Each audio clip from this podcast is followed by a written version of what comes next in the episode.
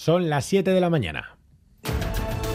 En Radio Euskadi, Boulevard. Con Xavier García Ramsten. ¿Qué tal, Egunon? La economía empieza a marcarlo todo. Cada gobierno, cada institución hace lo que sabe o lo que puede para afrontar la crisis que se nos viene encima. El gobierno de Pedro Sánchez aprobará hoy la rebaja del IVA del gas. El próximo martes vamos ya a materializar en Consejo de Ministros la rebaja del 21% al 5% del IVA del gas y vamos a aumentar en 120 millones de euros la atención primaria para el Sistema Nacional de Salud. Hoy se aprobará en Consejo de Ministros, mientras el Gobierno de Andalucía se une al de Madrid y desde hoy elimina el impuesto de patrimonio. Los expertos consultados no creen que vaya a haber fugas de capitales vascos. Sencillo no es. Eh, sencillo no es porque el hecho de atraer a una, a una persona implica el, cambiar su residencia efectiva. Otra cuestión es que exista determinados perfiles, personas que estén jubiladas, que ya de por sí pues tengan una residencia en, el sur, ya estén pasando periodos eh, largos de tiempo allí. Esta mañana inauguramos firma económica en Boulevard. A las nueve y media, Guillermo Dorronsoro, director de la Deusto Business School, se une a la tertulia de Boulevard.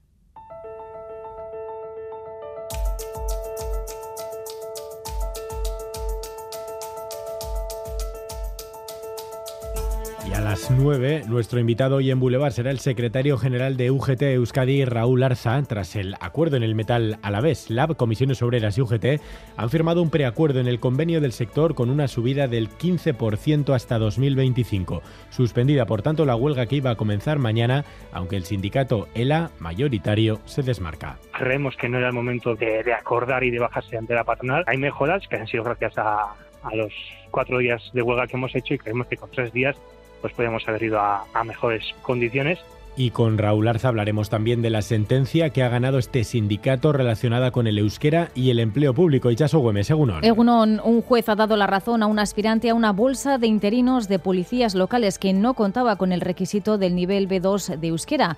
La jueza ve un trato discriminatorio en esa exigencia y procede a su anulación. El Departamento de Seguridad prevé recurrir. Y también hablaremos con el líder de UGT de Educación después de que Steylas, el sindicato mayoritario en este sector, haya anunciado una posible huelga en la enseñanza. No descarta Estelas convocar movilizaciones y una huelga porque considera que el borrador de la nueva ley de educación no prioriza la escuela pública, privatiza la educación y permite el rescate en los centros privados.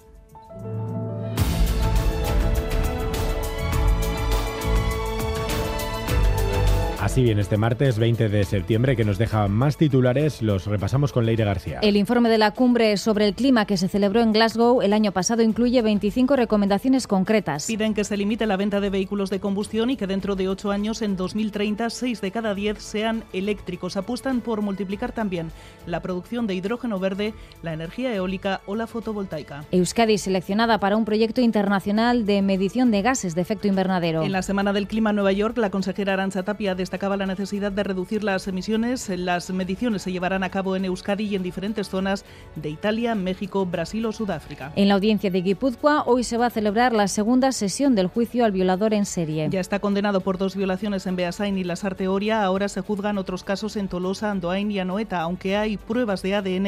En la sesión de este lunes negaba que estuviera en Guipúzcoa cuando ocurrieron esos hechos. EITV va a emitir esta noche por primera vez en ETV1 la gala del cine vasco del Cine Maldía. A partir de las diez y media de la noche, gala presentada por Aichiber Garmendia y John Plazaola se podrá seguir también a través de la página web eitv.eus y el canal de Twitch de Gastea. Feliz martes, Aritzaguirre, Egunon.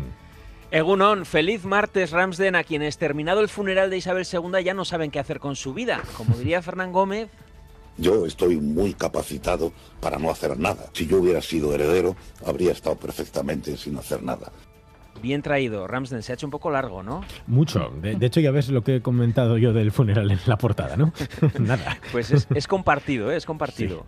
Del largo y parsimonioso proceso de despedida. La reina Isabel II. Retransmitiendo cada minuto como si fuera la Euskal Itzulia. Venga, que llegamos al último kilómetro, que se ven las vallas. Estamos en la recta final, esta vez sí, esta vez definitiva. ¿Quién ha ganado? Esperemos, que si no nos da algo, ¿no? bueno, ahora veremos, ¿eh? porque el paseo en ocasiones parecía un encierro. El paso, literalmente pasar la estafeta. La estafeta, ¿eh? O incluso, ¿quién ha ganado? Decía Ramsden. Pues ha sido como un derby futbolero entre Windsor y Westminster. Nueve reyes enterrados aquí. Contra 17 que hay en Westminster. Bueno, hay partido. Tú que ya has añadido, añadido a la playlist de Spotify temazos como este.